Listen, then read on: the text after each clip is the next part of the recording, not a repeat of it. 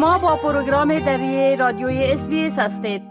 حال جاوید روستاپور خبرنگار برنامه دری رادیوی SBS برای جنوب آسیا درباره تازه ترین تحولات در افغانستان معلومات میتن آقای روستاپور سلام عرض می کنم خب اولتر از همه گفته میشه که وزیر اطلاعات و کلتور طالبا اعلان کرده که رسانه های شخصی را حکومت کمک مالی خواد کرد و این موضوع یک مقدار نگرانی های را به بار آورده بله؟ با سلام وقت شما بخیر آقای که بله بدنبال اعلام طرح اختصاصی وجوه مالی از سوی وزارت اطلاعات فرهنگ طالبا برای رسانه ها نهادهای حامی رسانه های آزاد در افغانستان از این طرح ابراز نگرانی کرده گفتند که امتیاز مالی به رسانه ها احتمال این را به بار میارد که استقلالیت کار رسانه ها زیر سوال یا پرسش برود. از جمله نهاد نی حامی رسانه های آزاد افغانستان با نشر اعلامیه نگرانی کرده و ملاحظات را در پیوند با موضوع ابراز نمودند. این نهاد رسانه‌ای گفته که امتیاز مالی در نظر گرفته شدن نخست باید از سوی طالبان برای امر رسانه بدون در نظر داشت محدودیت زمانی باید باشد. همچنان نهادهای عامی رسانه ها تاکید کردند که امتیاز باید به اساس نیروی کار در هر رسانه باشد و در یک چارچوبی مشخص به صورت بسیار روشن از طرف نهادهای سنفی رسانه ها توضیح شد و طالبان دخل و تصرفی در کار رسانه ها نباید داشته باشند. نهادهای عامی رسانه و همچنان آقاهان رسانه گفتند که هرچند که آزادی بیان در افغانستان به معنای واقعی پس از تسلط طالبان وجود ندارد اما این کار صد در صد رسانه های آزاد هم که فعالیت دارند وابسته به حکومت طالبان می سازد و سانسور را بیشتر با وجود میارد.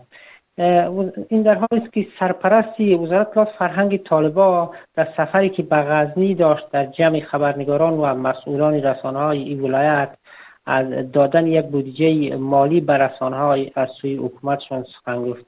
اما عبدالمتین قانی سخنگوی وزارت اطلاعات فرهنگ طالبا گفته که مقصد سرپرستی وزارت اطلاعات فرهنگ این نبوده که برای رسانه ها کلام بودجه اختصاص داده شود. تنها یک مکانیزم گفته یا روی دست گرفتن که به اساس او اگر رسانه زیر فشار مالی قرار می‌گیرد و سبب میشه که فعالیتش متوقف شد از سوی حکومت طالبا کمک شد اما این در حالی است که پس از تسلط طالبا بر بنیاد گزارش هایی که از سوی نهادهای سنفی رسانه نشر شد بیشتر از 60 درصد رسانه های افغانستان فعالیتشان به دلیل فشار بر این رسانه از سوی طالبا و همچنان مشکلات مالی متوقف شده و شمار زیادی از خبرنگاران هم افغانستان را ترک کردند بله خب گزارش شده که درگیری های تازه بین نیروهای مقاومت و قوای طالبا پس از یک آرامش در ولایت بغلان آغاز شده بله؟ بله دقیقا. منابع محلی در بغلان گفتند که در درگیری که بین طالبان و نیروهای مربوط به جبهه مقاومت در اولوسوالی خوست و فرنگ این ولایت صورت گرفت. هفت طالبان به شمول مدیر استخبارات گروه در درگیری کشته شده و همچنان یک تن از قماندان های جبهه مقاومت با دو غیر نظامی در درگیری کشته شده. و گفته منابع در جریان این درگیری که روزی گذشته ساعتها به طول انجامید ده تن دیگه هم از نیروهای طالبان زخمی شده. منابع گفتن که این درگیری طالبان به خانه قماندان در روستای جنگلک ولسوالی خوست.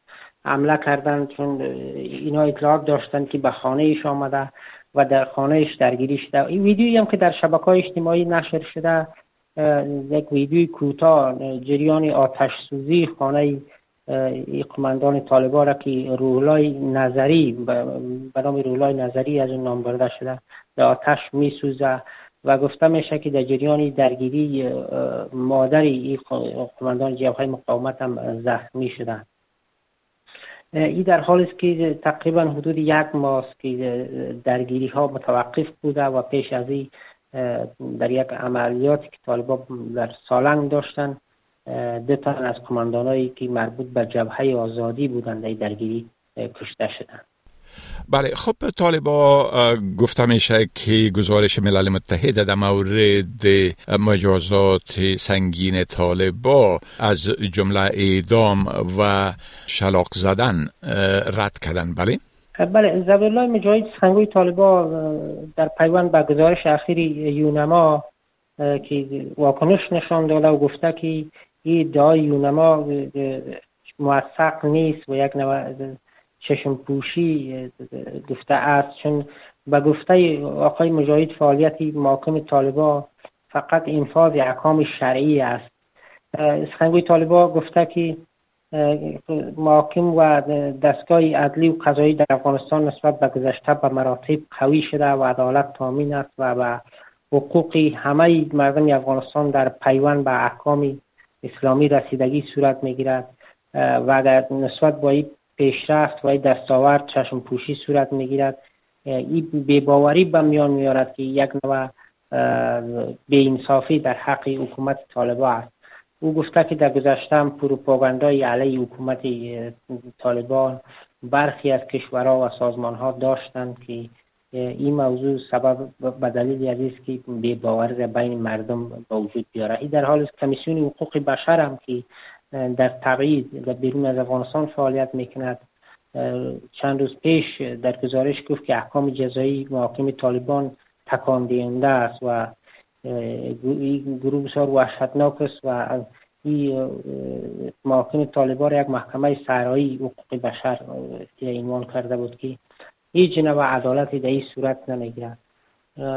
به همین ترتیب به شمار زیادی از سازمان ها هم محاکم طالبان را متهم کردن و خواستن از طالبان که دست از محاکم سرایی از جمله شلاق زدن در محله هم بردارد اما گزارش های آخر نشان می‌دهد که طالبا در یک سال گذشته در گزارش یونما آمده که به تعداد 274 مرد و 58 زن و دو کودک را شلاق زدن که در یک مورد یک خانم در سمنگان پس از اینکه از طالبان شلاق زده شد این سکته قلبی کرد و جان باخت بله خب بسیار تشکر آقای روستاپور از این معلوماتتان و فعلا شما را به خدا می سپارم. روزتان خوش.